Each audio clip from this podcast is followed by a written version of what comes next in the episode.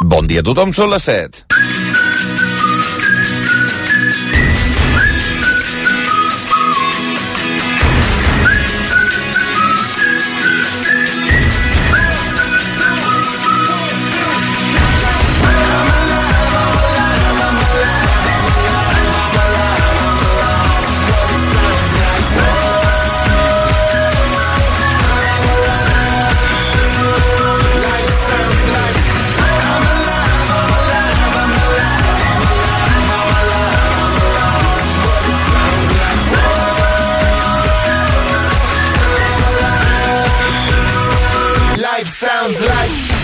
Què tal, com esteu? Benvinguts al Via Lliure en aquest matí de diumenge, dia 3 de març del 2024. Va, que tindrem el sol sortint d'aquí escassament 18 minuts a l'horitzó de Cadaqués en un dia que no s'ha de pondre fins a l'entorn de 3 quarts més passats, 3 quarts de 7 de la tarda al Canà. De seguida, Martí Oliveres, que ens porta el temps.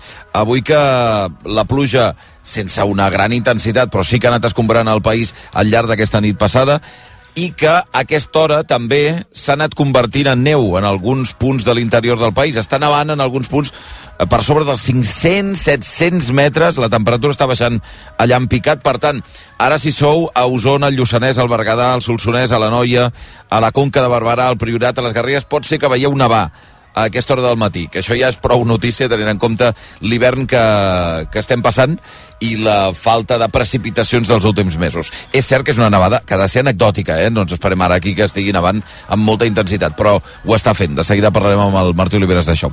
A partir de les 10.11, però això ja escampa i començarà a fer vent. Avui és una de les tòniques del dia. Compte que hi haurà ventades fortes, sobretot a l'Ebre, al Camp de Tarragona, a l'Empordà, per tant, estigueu atents. Uh, un diumenge que políticament és clau en el debat de l'amnistia. Uh, queden només 5 dies perquè s'esgoti el termini d'un projecte de llei que pugui tirar endavant al Congrés dels Diputats, segueixen negociant i ho han reforçat en les últimes hores Junts i el PSOE. Ahir Carles Puigdemont gairebé ho donava per fet i començava a parlar ja dels nous passos després de l'amnistia i eh, en parlarem en un dia que també tocarem la resta de l'actualitat i quan falta una setmana pel 20è aniversari dels atemptats de Totxa de l'11M, avui vindrà Jordi Évole al Via Lliure, que aquesta nit estrena programa doble monogràfic sobre el que va passar a Espanya entre l'11 i el 14 de març de 2004. Des dels atemptats del CAI dels trens de Madrid a tres dies per les eleccions fins que el PSOE guanya i Zapatero desallotja Aznar a la Moncloa la era del pàssalo, de les eh, vies d'investigació, de si havia estat ETA o havia estat Al-Qaeda, depenent de l'interès polític d'aquelles eleccions. De l'inici d'aquesta mena de trinxera i de crispació política en què encara avui vivim. En parlarem amb l'Evole. Eh, en un dia que també farem l'embalat de mossèn Nin, com és habitual, també vindran Zanon i Llucia Ramis, mossèn Nin, que avui convida, porta una escolaneta especial. Pepe Colubi, humorista, periodista, que és un boig de la música reggae, avui, per tant, especial a l'embalat. I conversarem també a una setmana dels Oscars amb els maquilladors Montse Ribé i David Martí, nominats catalans als premis de, dels Oscars per la Societat de la Nieve, que ja tenen un Oscar al seu currículum per al laberinto del fauno. Tot això i molt més, des d'ara mateix i fins les dues en punt del migdia. Vinga, va, que passen 3 minuts de les 7. Això és el Via Lliure de rac Sou al territori del cap de setmana. Via Lliure. Cada cap de setmana, el programa més escoltat de Catalunya.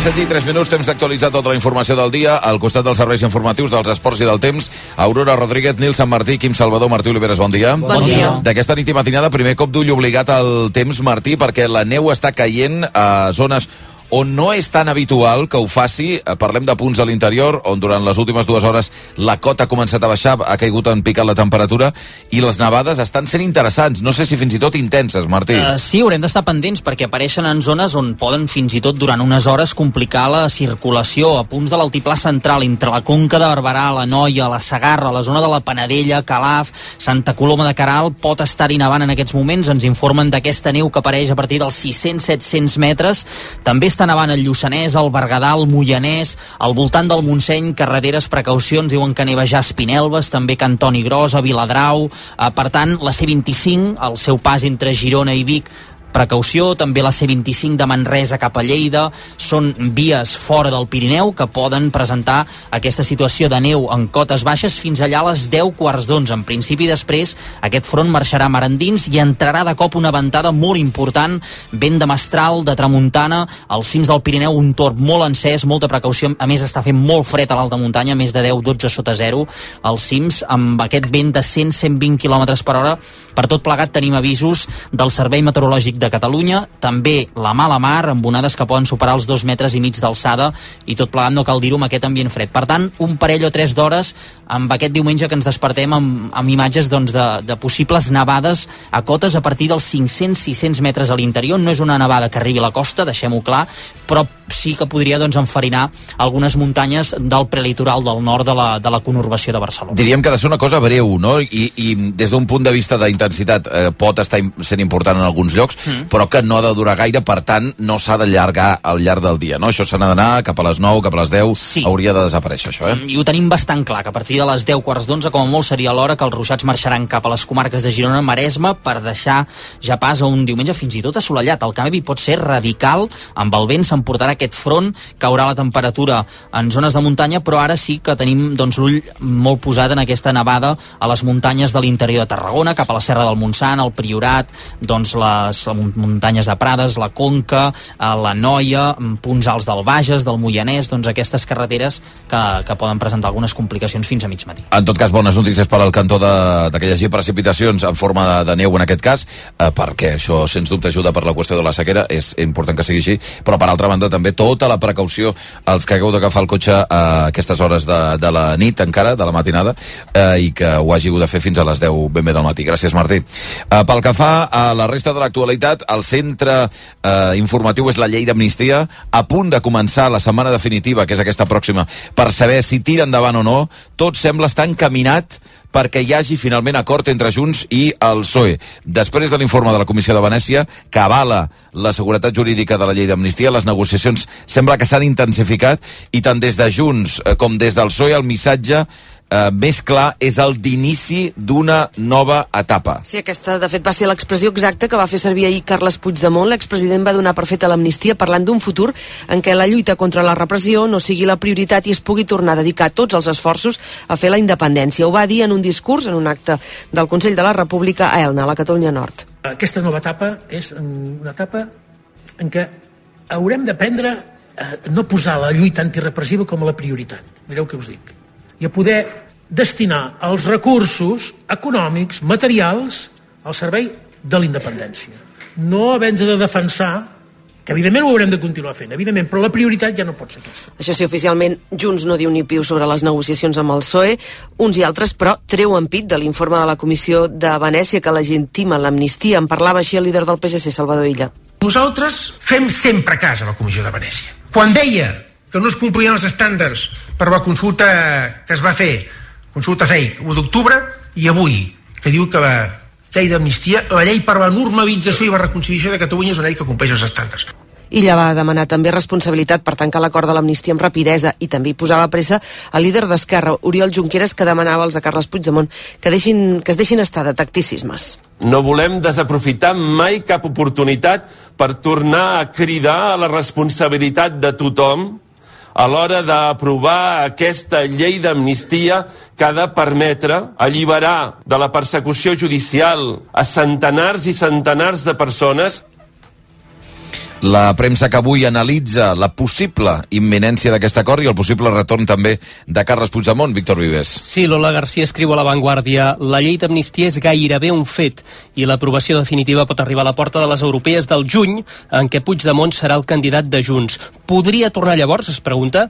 És probable que sí. La idea del president sempre ha estat el retorn en magnificència amb una rebuda multitudinària. A l'ara, Ignasi Aragai coincideix que tard o d'hora acabarà venint i serà rebut multitudinàriament. L'acusació de terrorisme del Tribunal Suprem l'eleva a la categoria de mite com un nou Macià o un Terradelles. Segons Carlos Cué, el país, la solució de la llei hauria d'arribar en qüestió d'hores. De fet, explica la decisió del Suprem d'investigar Puigdemont per terrorisme, lluny de complicar el pacte, la costa encara més. Si no hi ha acord, argumenta un dirigent socialista, l'alternativa és l'apocalipsi.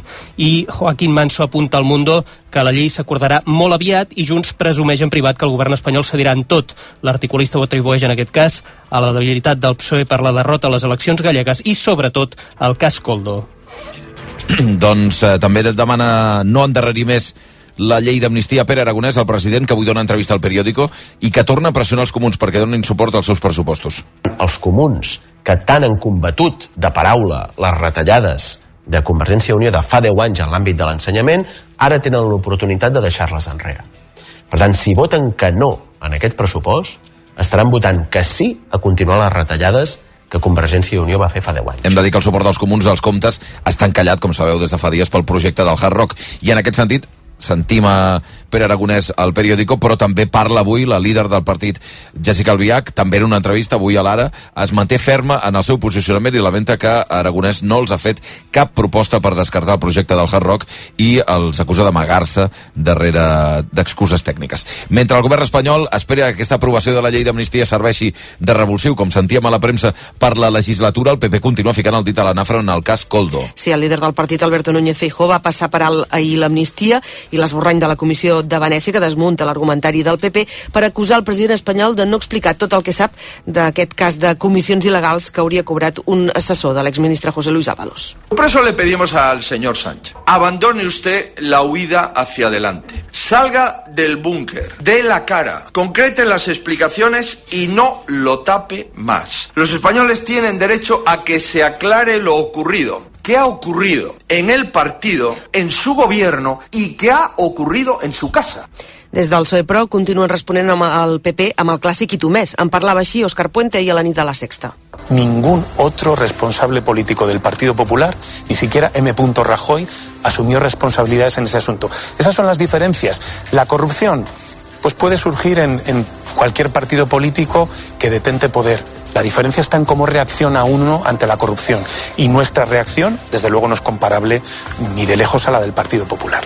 Puente va negar que Ábalos sigui un polític corrupte, però reconeix que té una responsabilitat política en aquest cas. I un parell de punts més. Al Pròxim Orient, a les últimes hores, un centenar de persones han mort per diversos bombardejos i atacs d'Israel contra civils a Gaza. Entre d'altres, l'exèrcit ha disparat contra una casa familiar, contra tendes de, de campanya en un camp de refugiats i també contra un grup de persones que eren a les portes del principal hospital infantil de la zona.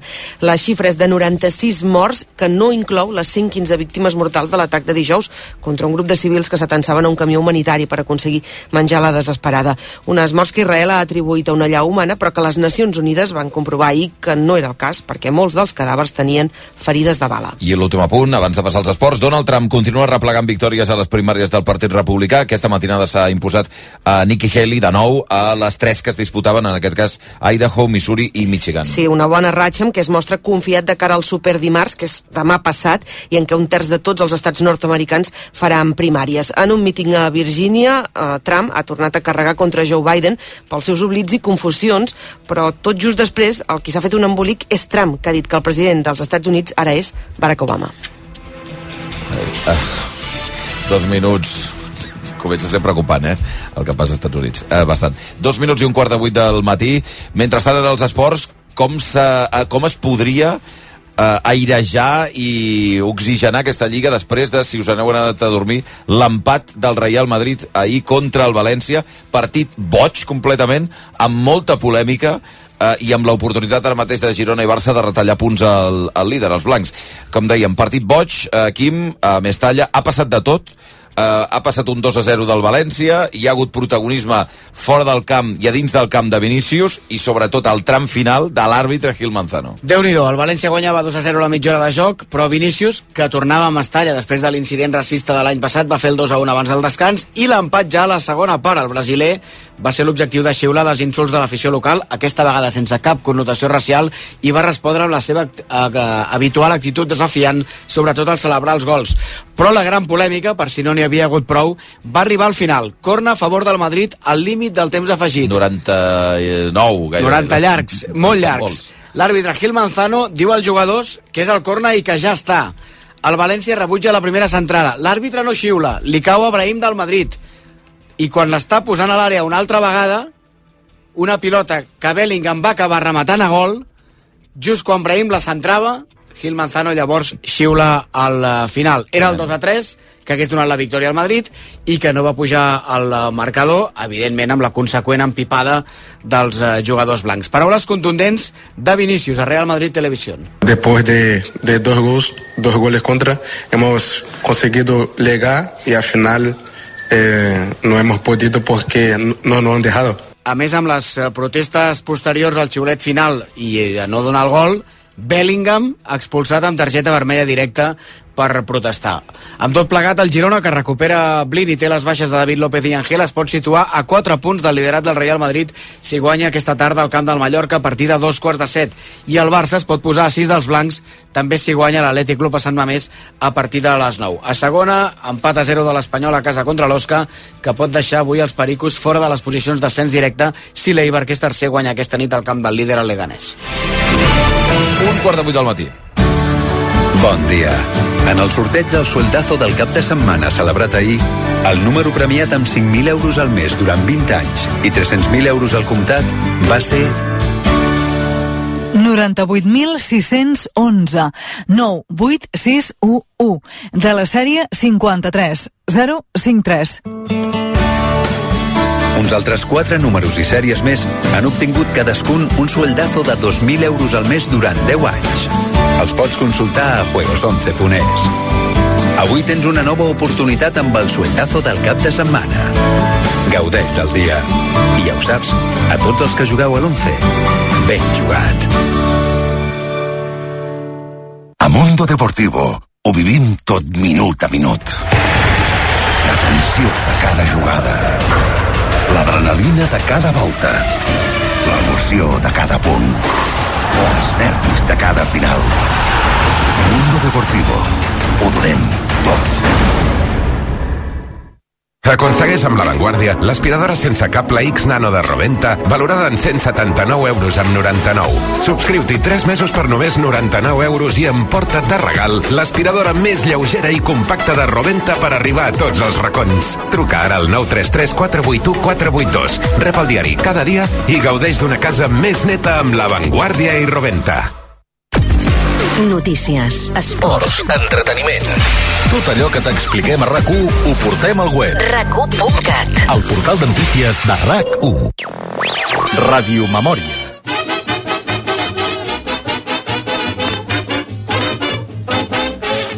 Edu de Valla, bon dia. Hola, bon dia, Xavi. Vinga, que obrim el Ràdio Memòria per recordar moments de la ràdio en l'any què se celebra un segle de l'arribada a Catalunya. Avui què? Recordarem un programa que feia com ràdio des de l'any 2000 el compositor, cantant i divulgador Albert Garcia de Mestres, el mestre de mestres. Es deia el programa Tutto de Mestres. L'any 2007, tres dies després de la mort de Luciano Pavarotti, que de Mestres eh, havia tingut com a mentor, el va homenatjar amb aquest inici de programa. Una introducció de gairebé 7 minuts de la qual hem recuperat un i mig. Però atenció a la genialitat de l'inici del programa del mestre de mestres. El temps en música és com a la vida. De fet, els humans ens hem decidit a tallar el temps i a mesurar-lo d'una manera que en realitat no, no és real. Al mateix moment pot ser part d'un adagio, pot ser part d'un allegro, pot ser part d'un presto, i de fet és al mateix temps. Avui és un temps fotut. El primer programa d'aquesta temporada em veu immers en un dolor molt profund. Fa set anys, en aquest primer programa del tuto de, de mestres, vaig fer-li una entrevista al Luciano Pavarotti. Avui, en aquest primer programa, parlem de, de la mort d'aquest gran músic, d'aquest gran amic per mi, d'aquest ésser humà excepcional. Va estar 7 minuts així. Hosti, Déu meu, senyor. Sí, sí. Déu Luciano. Pavarotti era el seu mentor, era, eren amics i va començar el programa picant, picant, fent el tempo. Increïble, increïble. Sí, sí. Tuto de Mestres era el programa a Com Ràdio des de l'any 2000 de l'Albert Garcia de Mestres, el mestre de mestres, que en deien. Gràcies, Edu. Fins ara. Tots sants. Blai Morell, bon dia. Bon dia, Xavi. Com cada dissabte i cada diumenge és Tots Sants al Via Lliure i ja ho sabeu que felicitem el sant del dia i felicitem algú que té un nom que potser no és el santoral. Avui és diumenge, dia 3 de març, aquí toca felicitar. Doncs vinga, avui toca felicitar a Sant Madí. Home, Sant Ah, Madí. avui Sant Madí.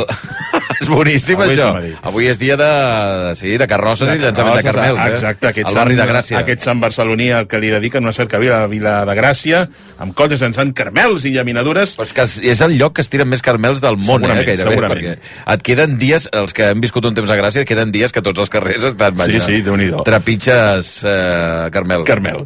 Doncs Sant Madí era un pagès que va ajudar el bisbe Sant Sever quan fugia de la ciutat i, segons la llegenda, les faves que acabava de plantar van florir mi miraculosament a l'instant. Poc després va, fer, va ser fet presoner i martiritzat fins a la mort. L'origen del nom és germànic i vol dir defensor. Madí vol dir defensor. Uh, tenim gaires Madís a Catalunya, malgrat la, la festa sigui important? No, No, eh? no, no gaires, Xavi. 47 en total. Carai, que pocs. Els primers els comencem a trobar a la dècada dels 50 i en trobem fins al 2019. Des de llavors, cap ni un. Va, i anem ara a un sant que no sigui el santoral, bueno, no, un, un nom que no sigui el santoral, no un sant, uh, i que volem felicitar avui també. Doncs ja que parlam de carmels i llaminadures eh, de, Sant- de Sant Madí, hem triat un nom ben dolç, mel. Ah, mel, està bé. Té diversos eh, possibles orígens etimològics. El primer, evidentment, el derivat del llatí mel, que és aquest líquid dolç i espès produït per les abelles, i també podria derivar de l'hebreu melo, que significa dolç o melodiós, o hi ha un altre que seria que una forma abreviada d'altres noms. És masculí o femení el nom mel? N'hi ha de dos. Ah. Tots dos. I n'hi ha a Catalunya? Normalment és de dona. Val. És nom de dona, hi ha 213 dones, aquest nom Mel, que apareix als anys 80, però és a partir del 2010 quan comença a agafar força. Eh, Només entre el 2020 i el 22, 107 nenes van rebre el nom Carai. de Mel a Catalunya. Doncs- I tenim 23 Mels homes. 23 Que mels homes. Mel Brooks, per exemple. Ah, està bé. Però en els últims dos anys, Sí, més de 100, 100 nenes, O eh? sigui que és un nom que ah, va a. Doncs ara hi ha moltes mels a Catalunya, més que, per exemple, a Madís. Ah, o sigui exacte, que, exacte. Gràcies, Blai, i felicitats als Madís i a les mels. I als mels, també. Gràcies, Blai. A tu. Sandra Sotillo, bon dia. Bon dia. Torn de la nostra corresponsalia a TikTok. Uh, de què s'està parlant aquests dies a TikTok? Doncs mira, Xavi, de les cançons que fan 10 anys Oi. aquest 2024. Ja comencem. TikTok es comença a sentir vell. La mal cap. Sí, sí. bueno, 10 anys encara és poc, ja, quan arribin els de 25 ja veuràs. Sí, però pensa que per TikTok 10 anys Sí, els sí, no, col·loques no, a clar, l'època d'anar Sí, a la sí. discoteca, potser, Sí, sí, no? sí. Uh, els ha, fet aquesta llista el productor Jared Germain i, per exemple, fa 10 anys sortia aquesta cançó.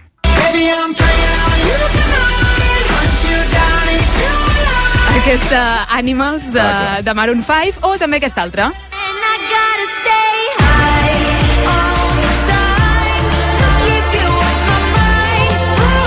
Hàbits de Tobeló o eh, aquesta, Xavi, també fa 10 anys.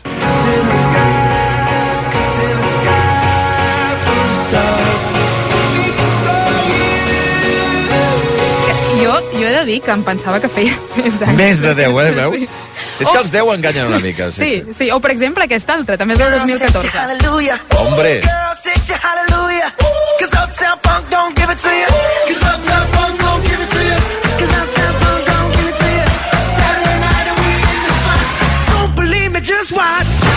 Bruno Mars, eh? Oh, 10 tremenda anys. cançó. Dapton Funk, o va, una, una més. 10 anys.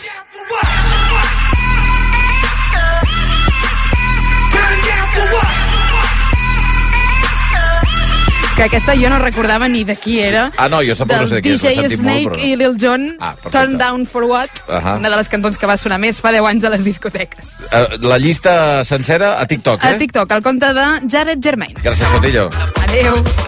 Mireia Garolera, bon dia. Bon dia, Xavi. Avui és 3 de març, reculem musicalment fins a quin 3 de març? Doncs mira, avui només reculem 10 anys... Mira, precisament. Sí, per situar-nos al 2014. It might seem crazy what I'm about to say.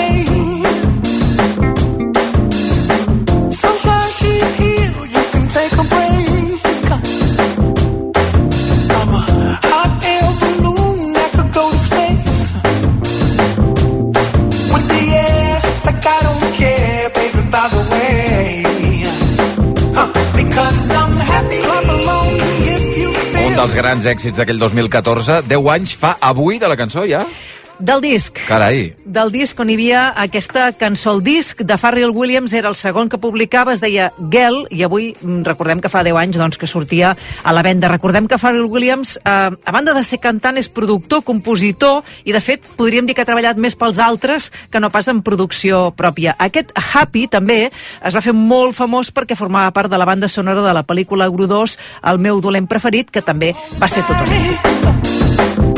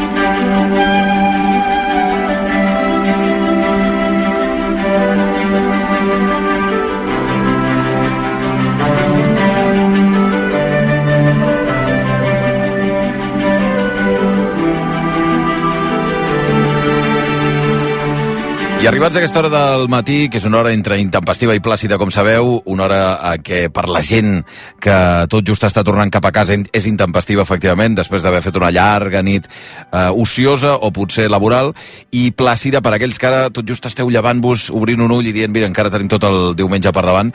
I és una hora que a nosaltres ens encanta desplaçar-nos cap a un raconet molt especial de la geografia del nostre país. És un carreró empedrat que no hem volgut mai geolocalitzar, que no hem volgut mai ubicar en un mapa, al final del qual hi ha un edifici sense gaires pretensions arquitectòniques, artístiques, ni de cap mena, i que al seu interior, als seus budells, amaguen una pila de meravelles. És el Basar de les Sorpreses i el regenta, com sempre, amb, eh, en fi, amb mastoïcitat, l'Albert Beorlegui. Com estàs, Albert? Bon dia.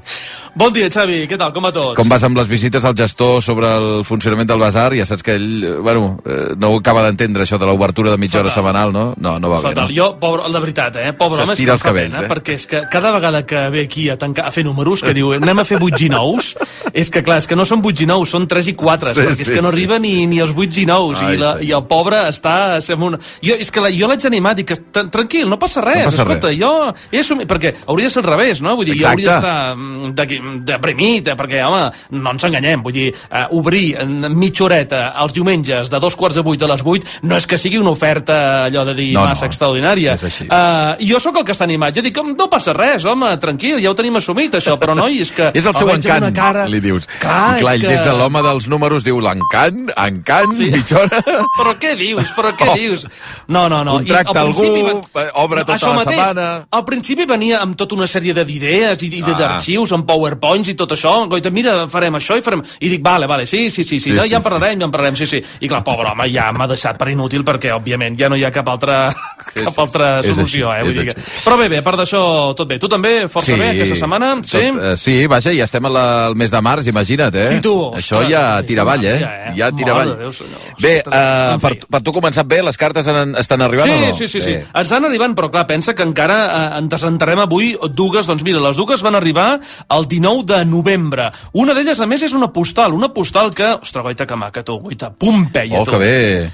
Oita, aquest, Que bé. aquest carrer... També és un carrer empedrat, eh? No ens enganyem, Sí, eh? Vull dir, sí, sí, Pompeia, tant. la imatge que tenim és aquest carrer empedrat, eh? Vull dir que amb I tan empedrat que va quedar. Això...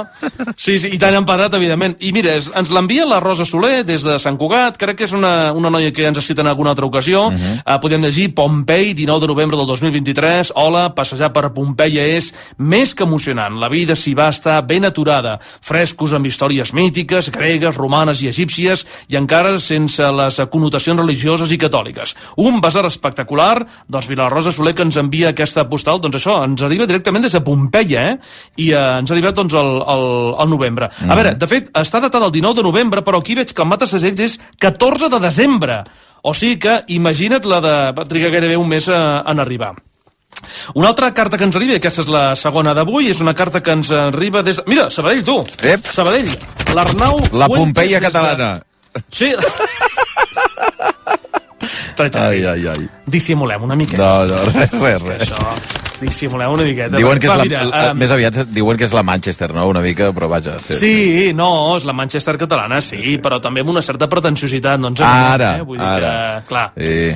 els, els que som de Sabadell mai ho, mai ho admetrem això en públic, però és evident, però les coses, les coses són com són, tu. Sí, sí, sí. Va, Sabadell, 19 de novembre del 2023. Bon dia, Albert i Xavier. Soc l'Arnau. I no sóc oient encara del Besar. De fet, he arribat aquí de rebots. Ho intentaré explicar. Fa poc més d'un mes el pare va morir de forma sobtada i això ha fet que ara estigui reconnectant amb la mare i establint-hi una nova relació. Ells, o almenys ella, sí que us escolta. La cosa és que diumenge passat, mentre anàvem a, ma mare i jo al cotxe, ens explicàvem el que havíem fet els dies anteriors. I jo vaig dir-li que havia enviat un parell de cartes, però que estava una mica moix perquè mai en rebo resposta. L'escriure cartes a mà i establir relacions epistolars és potser una cosa d'altres temps, però crec que avui més que mai és necessari recuperar. Escriure a mà és dedicar temps a qui escriu i també a un mateix. És també una forma de reduir la distància o distanciament social que ha arribat en sortir de la pandèmia, quan tothom ha corregut en desbandada, fugint fins i tot de nosaltres mateixos. Deia que xerràvem amb la mare sobre això, que ningú o gairebé ningú respon les poques cartes que s'envien, i em va parlar del basar, dient-me que potser m'agradaria. Així que així us he conegut. De moment només he escoltat el programa de la M de Mandra, pel que no sé si em puc qualificar com oient, però serveixi aquesta primera missiva reivindicant i responent al pluricocat com un primer encontre, un punt de trobada per poder avançar. Si es llegeix això, en antena, dues coses. Primera, mama, surto a la ràdio. Segona, oients, escriviu cartes, lletres, postals, no només als basars, sinó també a familiars i amics. Dediqueu temps, recupereu, recuperem el contacte humà, fent servir una tecnologia d'ús ben fàcil. Responem les cartes, eh, conversem, xerrem, intercanviem... En fi, prou per avui. Espero que la carta arribi a temps i enviar-ne més. Una forta abraçada, doncs mira, l'Arnau Fuentes des de Sabadell. Carai, doncs eh, des d'aquí una forta abraçada a l'Arnau, eh, també per la pèrdua del pare, i, i òbviament aquesta família que, eh, bueno, aquest missatge direct, dirigit a la mare, que segur que l'estarà escoltant. No ens ha dit el nom de la mare, oi que no? No, no ens ho ha dit, no. Val, perfecte. Eh, en tot cas, llarga vida les, als missatges escrits. Eh, aquest eh, arribava al novembre, m'has dit? Sí, aquesta està datada el 19 de novembre, la, la carta, tot i que el, el matasegells no està, no està indicat, Ahà. però la carta està... Aquí posa, la, la portada posa 19 de novembre. Ha estat eh, tres mesos i mig esperant a arribar i, i, sí. i, sí, i des d'aquí tot, el, tot el carinyo, tota l'estima també per aquesta família i evidentment en aquesta, en aquesta aproximació mm, cap a la mare, no? que això és una cosa que també en determinats moments Sí. de la vida és important. I el, i el missatge cap a la gent d'enviar cartes eh, crec que és eh, fonamental. A veure si aconseguim entre tots que això torni a rotllar. Mira, l'altre dia fèiem secció amb la Llucia i el Zanon i parlàvem del fet d'escriure que s'està perdent en tots els aspectes, uh -huh. ja no Mhm. només les cartes. I, ostres, seria bo, perquè jo crec que fer la prova, o sigui, eh, ja no dic eh, envieu-les a la ràdio, envieu-la a algú, Eh, a veure què passa, perquè és, eh, l'efecte és extraordinari. O sigui, que algú rebi amb la il·lusió que significa això, una carta amb el teu puny i lletra, és una demostració de carinyo que ara mateix no es produeix.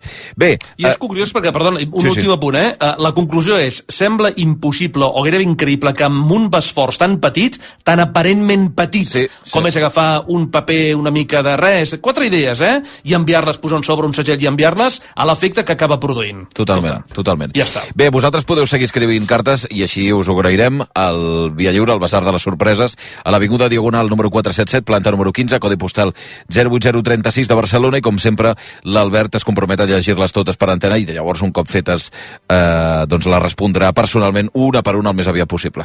Bé, va, que anem cap al Berlegui Express. Avui veig Sí, bandereta, és catalana. No, no és Ah, catalana. sí. Ep! Sí, sí. Ost, a veure, ui, ui, ui, ui, ui, ui.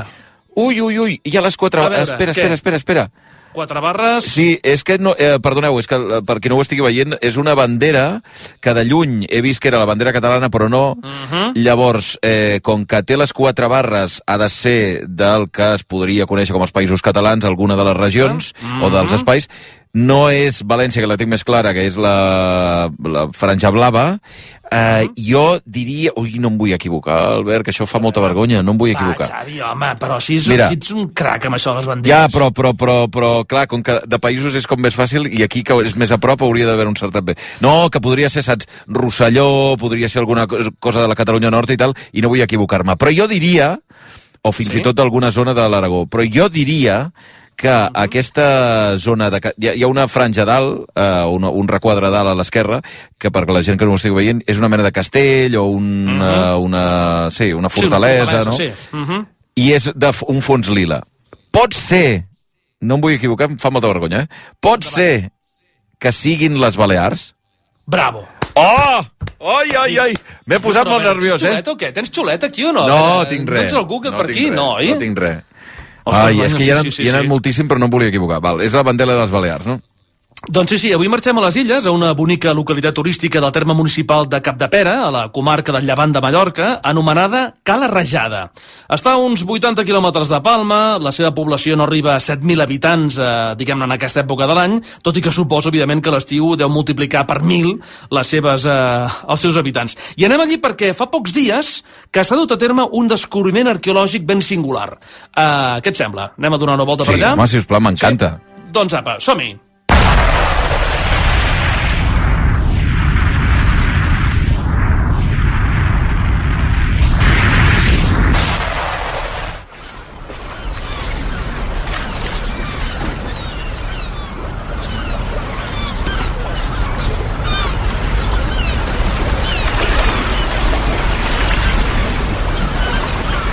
Que bé, Albert.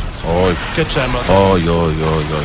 Ara ho necessitava, això, Lliure, eh? no, des d'aquí? Oh, per favor, que ens convidin, que ens convidin a fer-ho des de Mallorca, tu. És, és fantàstic. A veure, calor no en fa a aquesta hora, però, No. però s'està bé, però- és molt agradable. Correcte, sí, sí, sí, sí. sí. On som, Mira, per cert? doncs mira, ens trobem a, en un lloc que fa uns quants dies va ser notícia. Eh, es veu que el Consell de Mallorca i la Guàrdia Civil van recuperar dos canons Ah, d'un vaixell enfonsat entre els segles 17 i 18.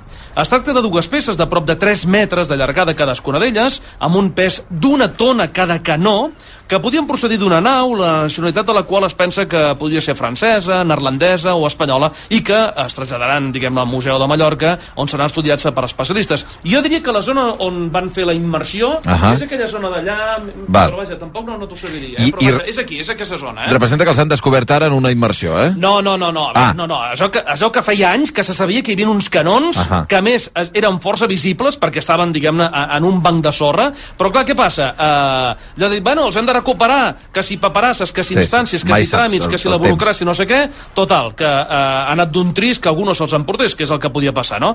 I a més, el més interessant és que l'estat dels canons és força bo, tot i que quan els van treure del mar tenien aqu aquesta idea iconogràfica d'un munt d'incrustacions que encara eh, bé, li afegeixen una pàtina eh, de pertany a altres temps, a altres èpoques, gairebé a altres mons, no? Eh, si ho pensem, el mar acostuma a ser un lloc on s'han dut a terme eh, grans descobriments. I si el material enfonsat, mm, diguem que és resistent a l'aigua, les sorpreses poden ser majúscules. Avui dedicarem un nou basar de les sorpreses, el que farà el número 341, a aquesta nova troballa arqueològica que té més història de la que podria semblar en un principi. Avui, doncs, la lletra C. La C de canó.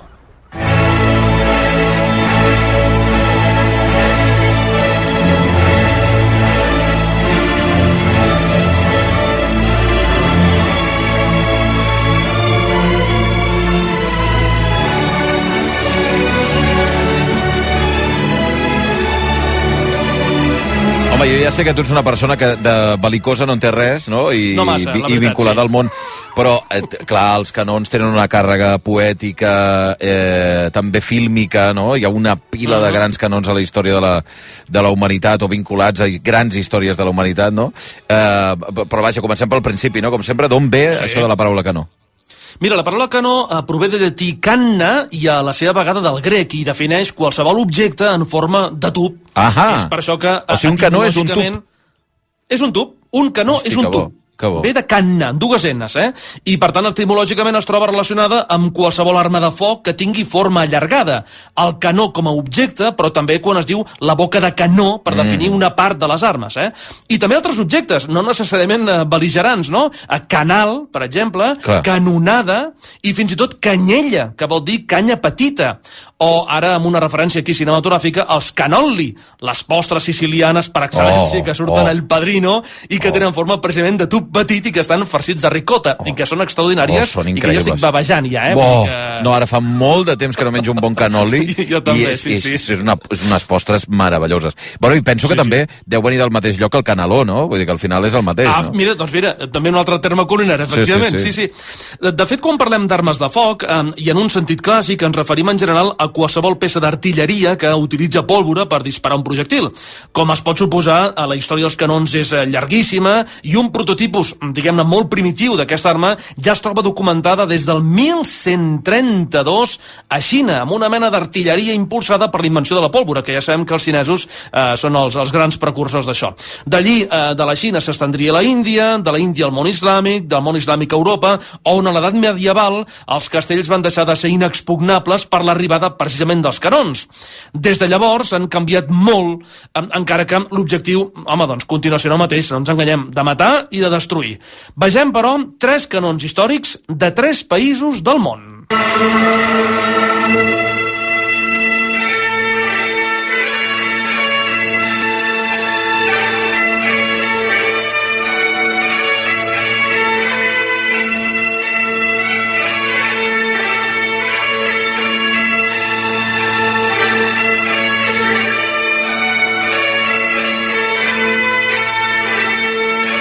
Quina prestança, eh? Quina energia. Home. En noto el vent a la cara d'aquests cliffs, no? Avui on anem exactament de, de la zona escocesa? Doncs mira, ja la música ja ens hi porta, ens anem al castell d'Edimburg Oh. eh, i per veure un dels canons més antics que es conserven a Europa. Es tracta d'un forjat a l'any del senyor del 1449 i que va ser un regal de Felip, duc de Borgonya, a Jacob II d'Escòcia. El canó va ser construït per un tal Moses McKim que va batejar el canó amb el nom de Mec, Mec en honor a la seva esposa, que segons diu la llegenda popular, jo que era molt rondinaire, i que quan cridava ho feia com si retombessin els, uh, els canons. Uh, aquest medeix 5 metres, uh, pesa 6 tones i mitja i les seves bales 175 quilos. Va Perdona, eh, participar però, en accions eh, ho he militars... deixat, Perdona, ho he deixat passar, però em sembla d'un masclista sí. increïble. No, i eh? clar, o però clar, sigui, eh, di- posar-li el sí. nom de canó a la dona perquè Sí. es queixa tot el dia, perquè molesta no, el so, perquè és la molèstia del so, em sembla d'una... O sigui, a- Em sembla una Perdó, observació eh? molt lúcida, però, Però- clar, tu, però brutal, el, eh? el 1400 tu utilitzar l'any 1449 el concepte de masclissa Increïble, amb un eh? eh? senyor que, evidentment, el que es dedicava a fer era canons, no? Vull dir que... Sí, sí. missatge d'amor a la dona, no? sí. Correcte. No, Una a veure, declaració d'amor, Ho sí, pot sí. justificar dient que és un autèntic canó, no? Que té la- l'energia, la bravura Que d'un canó, però no, mateix, que sí, em sí. molesta com un canó. Em sembla increïble. Bueno, va, seguim, seguim, perdona. Va, Ah, el cas Deies que que fa aquest 5 canó va- metres i pesa quan? Sí, 6 tones i mitja. Una barbaritat. Uh, va participar en accions militars durant 200 anys, fins que 1680 va ser retirat i es va reservar per uh, disparar, diguem-ne, salves d'honor. Entre les seves aparicions il·lustres, les del casament de Maria Stuart, recordem, reina d'Escòcia, que va morir decapitada per ordre de la seva cosina, la reina Elisabet, la reina verge. Eh? El canó, per cert, que està restaurat, encara es pot visitar al castell d'Edimburg. Anem pel segon, va.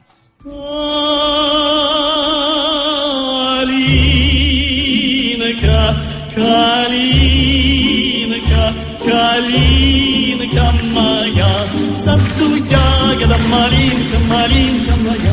Калинка, калинка, калинка моя, в саду ягода малинка, малинка моя. Калинка, калинка, калинка моя. Que d'Escòcia ens anem fins a Rússia, òbviament, amb aquesta calinca. Uh, a, a on, exactament? Sí, ara avancem 100 anys i d'Edimburg ens anem a Moscou on trobarem el canó del tsar Pushka, que està considerat el més gran del món. Va ser construït per Andrei Shokhov l'any 1586 en honor del tsar Fiodor I de Rússia, que era fill del llegendari Ivan el Terrible, eh, considerat el, el pare de l'estat rus. També medeix uns 5 metres com el d'Edimburg, però atenció, perquè no pesa 6 tones i mitja, sinó 39 tones. 39. Mort, 39 I les seves tones. bales, 800 quilos. Però Jo no sé com dius? devien posar les bales, de veritat. No, per no. transportar-los, jo que necessitaven 200 cavalls.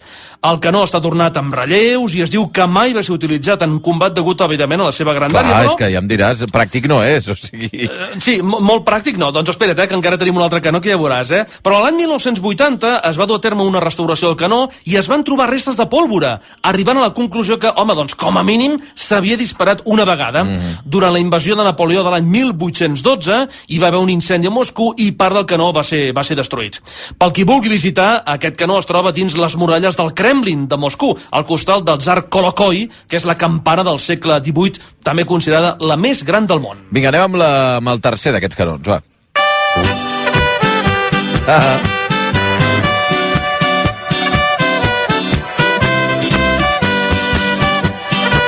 D'Escòcia a Rússia i de Rússia a l'Oktoberfest. Correcte, sí. Més o menys, eh? No austríac, sinó alemany, eh? Uh, I a veure, i ja sé que la música pot donar peu a una certa frivolitat, però no ho és gens, perquè ens anem a la Segona Guerra Mundial Ah, ui. per conèixer el que s'ha considerat el canó més gran mai construït, que és la Schwere Gustav. En realitat, a veure, uh, més que un canó, era una peça d'artilleria que necessitava, atenció, és que els alemanys, quan s'hi posen, s'hi posen de veritat. Aquesta peça d'artilleria necessitava 25 vagons de trens per desplaçar-se. Però què dius, Tot home?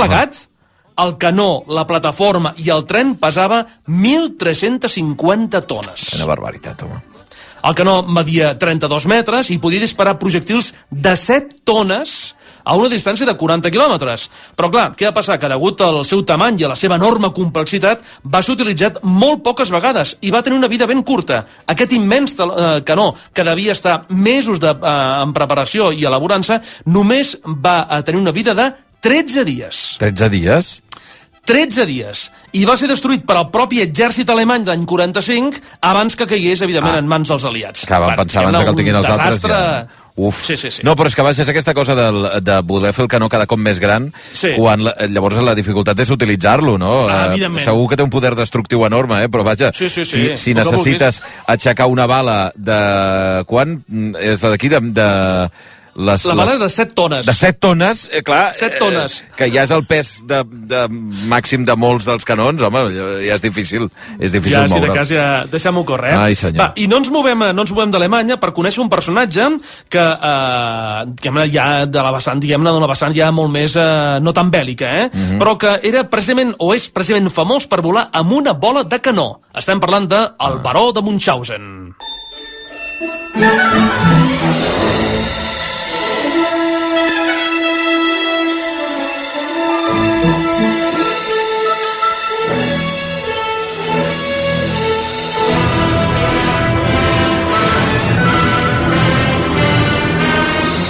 Jo recordo llegir les històries de, de les aventures Ah, sí? del baró de Les havies Munchausen. No, no, en Ah. còmic.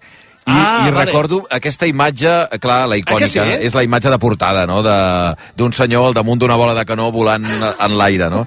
I, Sí, sí. i, i, i em va agradar molt, recordo que, però no he tingut l'ocasió de llegir la, la novel·la, per entendre'ns, o la, bueno, i és que el jo text, dic que no? uh, bàsicament és conegut bàsicament per ser un conte infantil. Eh? Jo també Clar, recordo clar. la imatge que tenim jo és la de... Hi ha dues o tres Sí, imatges no hi ha, més que no hi ha novel·la com a tal del Baró de Munchausen? Potser no. Ostres, a veure, eh, van ser... No sé si s'han publicat al nostre país, eh? però Mhm. sí que és veritat que van ser recollits perquè, en el fons, aquest baró de Munchausen està basat en un personatge eh, real, que va Ah, existir. Sí, sí. Es deia Carl Friedrich Hieronymus, eh, va ser un noble alemany del segle XVIII eh, que va participar en diverses campanyes militars contra els turcs abans de retirar-se, però que és conegut sobretot perquè explicava unes històries absolutament fabuloses. I a partir d'aquests relats, un company amic seu, un tal Rudolf Erich Rasp, va crear un personatge, el baró de Munchausen, que es mou entre, doncs, això, entre el rat extraordinari, eh, també còmic, i en el fons que té molt més de bufó que no pas de- d'heroi. No? El cas és que entre les seves gestes hi ha les de viatjar a la Lluna, però clar, viatjar a la Lluna al segle XVIII, quan la Lluna, clar, estava habitada per selenites, per entendre'ns, a sortir d'un fangar estirant-se la cueta del cabell, que aquesta és una imatge que a mi sempre he tingut, eh? O, doncs això, això que comentaves, no? Muntar-se en una bala de canó, que possiblement és la seva imatge més coneguda.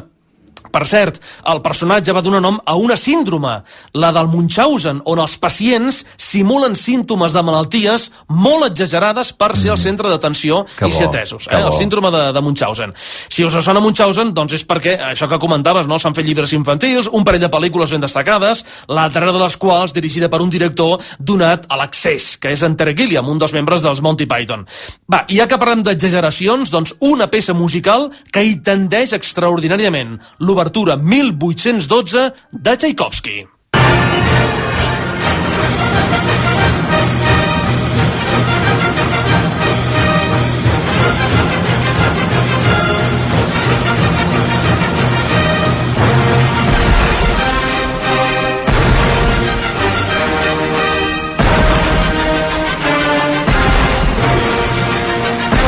Estan fent? Però què estan fent? Això són canonades? Són cano sí, són canons de veritat. Però sí, què sí. feu, bojos? Pareu! Però, espera, però que estan sonats?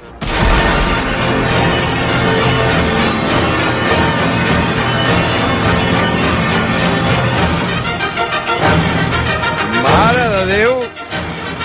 Però que és que m'he hagut de supir tot? Però què fas, Tchaikovsky? Espera, deixa que acaba, deixa que acabi.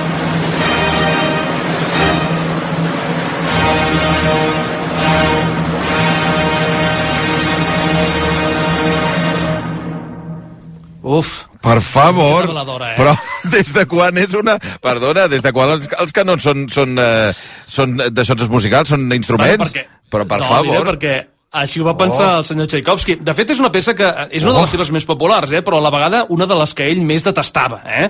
Eh, recordem Tchaikovsky, compositor rus de vida tormentada, desaparegut prematurament quan només tenia 53 anys, d'obra ingent que inclou sis magnífiques sinfonies, eh, tres grans ballets, el Trencanous, el Llac dels Signes, eh, La Bella Dorment... Eh, bé, doncs aquesta peça, l'Opus 49, es va fer per commemorar la fallida invasió francesa de Rússia l'any 1812, d'aquí el nom d'Obertura 1812.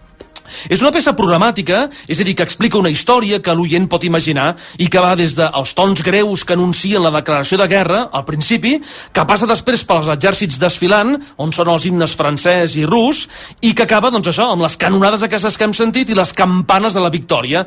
Quan s'interpreta normalment aquesta peça, el so de les canons es fa amb, amb, amb, amb bombos, però en aquesta gravació, que hem escoltat de la Minnesota Orquestra, amb en Tal Dorat i la direcció, eren canons de veritat. Mare. Clar, l'efecte, diguem-ne, que és un pèl espectacular oi, oi, oi. i no ens enganyem, una mica excessiu. La peça es va estrenar l'any 1882, 40 anys justos després de la mort d'un dels escriptors més famosos del primer romanticisme espanyol, en José de Espronceda, autor d'una obra ben coneguda, la cançó del pirata. Con diez cañones por banda, viento en popa toda vela, no corta el mar, sino vuela un velero mercantil.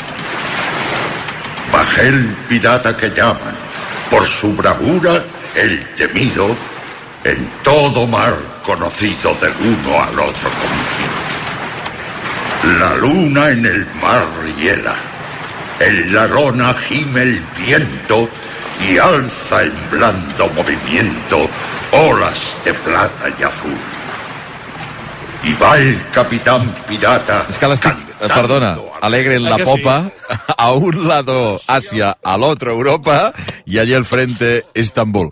Eh, hosti, és que me la sé de memòria de, per culpa de l'escola, no sé si tu et va passar el mateix, eh? No, aquesta no ens No? la van fer prendre nosaltres, Oh, no? i tant, i tant, no, i no. tant, i tant. Con 100 cañones por banda, i tant, i tant.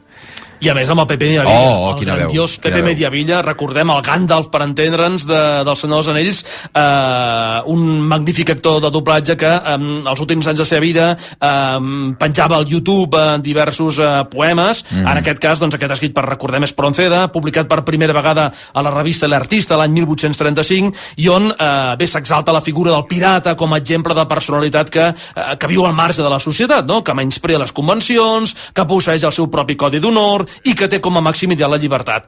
En realitat, va ajudar a forjar la imatge idealitzada que tenim encara dels pirates, no? i que ha potenciat el cinema, sobretot en Johnny Depp, a través dels seus eh, Pirates del Caribe. Eh, El poema s'inspira en un poema francès de Fontaine i un anglès de Lord Byron, el Corsari, i home, ja que tornem a Anglaterra, la vessant més lúdica dels canons, els homes bala, que van començar precisament en aquest país.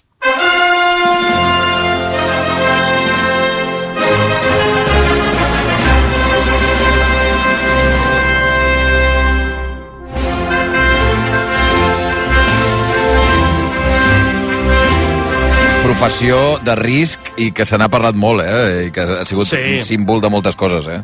Ara podria dir que no se'n veuen masses, eh? però en el seu moment no. van gaudir d'una gran popularitat. La idea era posar doncs això, una persona dins una mena de canó que es propulsava a través d'aire comprimit i que com més lluny anava, evidentment, doncs més impressió causava. El primer home bala va ser en realitat una dona, Rosa Matilde Richter, una cantant, actriu, ballarina i empresari de circ que va debutar en aquesta atracció quan només tenia 14 anys, el 1877, amb el nom de Zazel, la formosa bala de canó humana.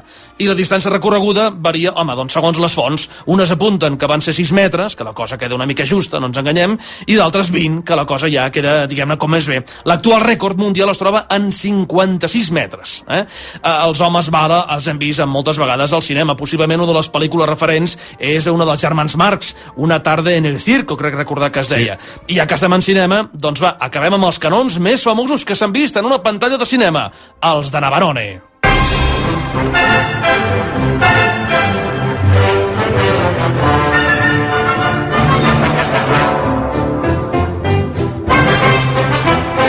Pel·lícula clàssica, no? Clàssica del cinema bèl·lic. Saps què em pensava que... Bueno, acaba, acaba. Explica la història dels canons de Navarone. Sí, bé, aquí tenim el conegudíssim tema musical de Dimitri Tiomkin, d'aquesta pel·lícula bèl·lica rodada l'any 61, dirigida per J. Lee Thompson, amb un repartiment estel·lar encapçalat per Gregory Peck, David Niven, Anthony Quinn, sobre un grup militar que durant la Segona Guerra Mundial ha de destruir una inexpugnable fortalesa alemanya on es troben els canons. Uh, Filmin, Amazon, Rakuten i Apple TV per qui vulgui redescobrir-la. Eh, no, deia que anava... eh, Saps que em pensava que faries una referència a una, de, a una pel·lícula, em sembla, bastant predilecta per tu, eh, ah. que, que és Mary Poppins. A Mary Poppins Ostres, apareix l'almirante Boom, Ten rea... oi? Que és aquest senyor que viu a la casa del Sí. costat dels... Sí. Com es diuen, a la família de... Els, els bancs. Els bancs, els bancs. Sí. I que eh, dispara des de, des de la seva... Bueno, des de l'alçada de l'edifici en forma de vaixell. I que, per cert, aquesta setmana Mary Poppins ha sigut notícia, no sé si ho saps, perquè No. el que diu precisament el capitán Bloom, Sí. que diu, ah, ha ido a luchar contra los otentotes... Ah, sí, sí, los otentotes, paraula, és veritat. Els otentotes es veu que, bueno, pot traumatitzar segons quina... Segons quina... Perquè es considera racista, no? tribu. Això mateix, Clar. un tema racista, i per tant han augmentat la qualificació, ara hauràs de tenir un certificat a conforme tens major de 18 anys i que estàs, diguem-ne, sent lliure de prejudicis no per poder trauma, veure aquesta no? pel·lícula, Sí, sí. que és perversa, no, no ens enganyem que Mary Poppins és d'una perversitat insufrible, Absoluta, eh? absoluta. Uh, és veritat, o sigui, és veritat, tens raó que, que ha sortit aquesta setmana aquesta qüestió. Sí, sí, l'almirante Boom, que és el senyor, eh, insisteixo que vivia, i crec que disparava el canó cada hora en punt, o, o, cada hora, o cada, hora, quart sí, sí. d'hora, o no recordo. Cada o... hora, cada hora. Cada hora. Llavors, a, a la, als bancs havien de, uh, cada hora, havien de... Sí, sí. Uh, ocupen, uh, todos la- sus puestos, deia la, deia la, la mestressa, És i llavors s'havien de col·locar perquè no caigués la vaixella, el piano de cua es mogués... Eh, bueno, és que és una pel·lícula tan Fantàstica, bona, Mary Poppins, que... Bé, En fi, doncs amb el record també de la Mary Poppins i de l'Almirante Boom, o Bloom, no recordo com es deia, si Bloom o Boom. Eh, Ostres, jo diria que és Bloom, eh? Però jo ara pensava no que era Boom, ara. sempre havia pensat que era Boom per l'explosió, però vaja, sí, igual sí, es sí, deia, sí. es deia Pot ser Boom. que és Boom, ara no t'ho sabria dir, eh? Ah, doncs amb els canons també de l'Almirante, eh, de Mary Poppins, eh, de, de, acomiadarem. Bé, Orlegui, com sempre, moltíssimes gràcies. Encara que no eh, siguem balicistes, ens encanta Clar. també estudiar el que han significat els canons per la nostra història I i, tenim un petit eh, racó a dins del basar també dedicat a aquests canons. Una abraçada ben forta, Albert, que vagi molt bé. Igualment, Xavi, adéu-siau.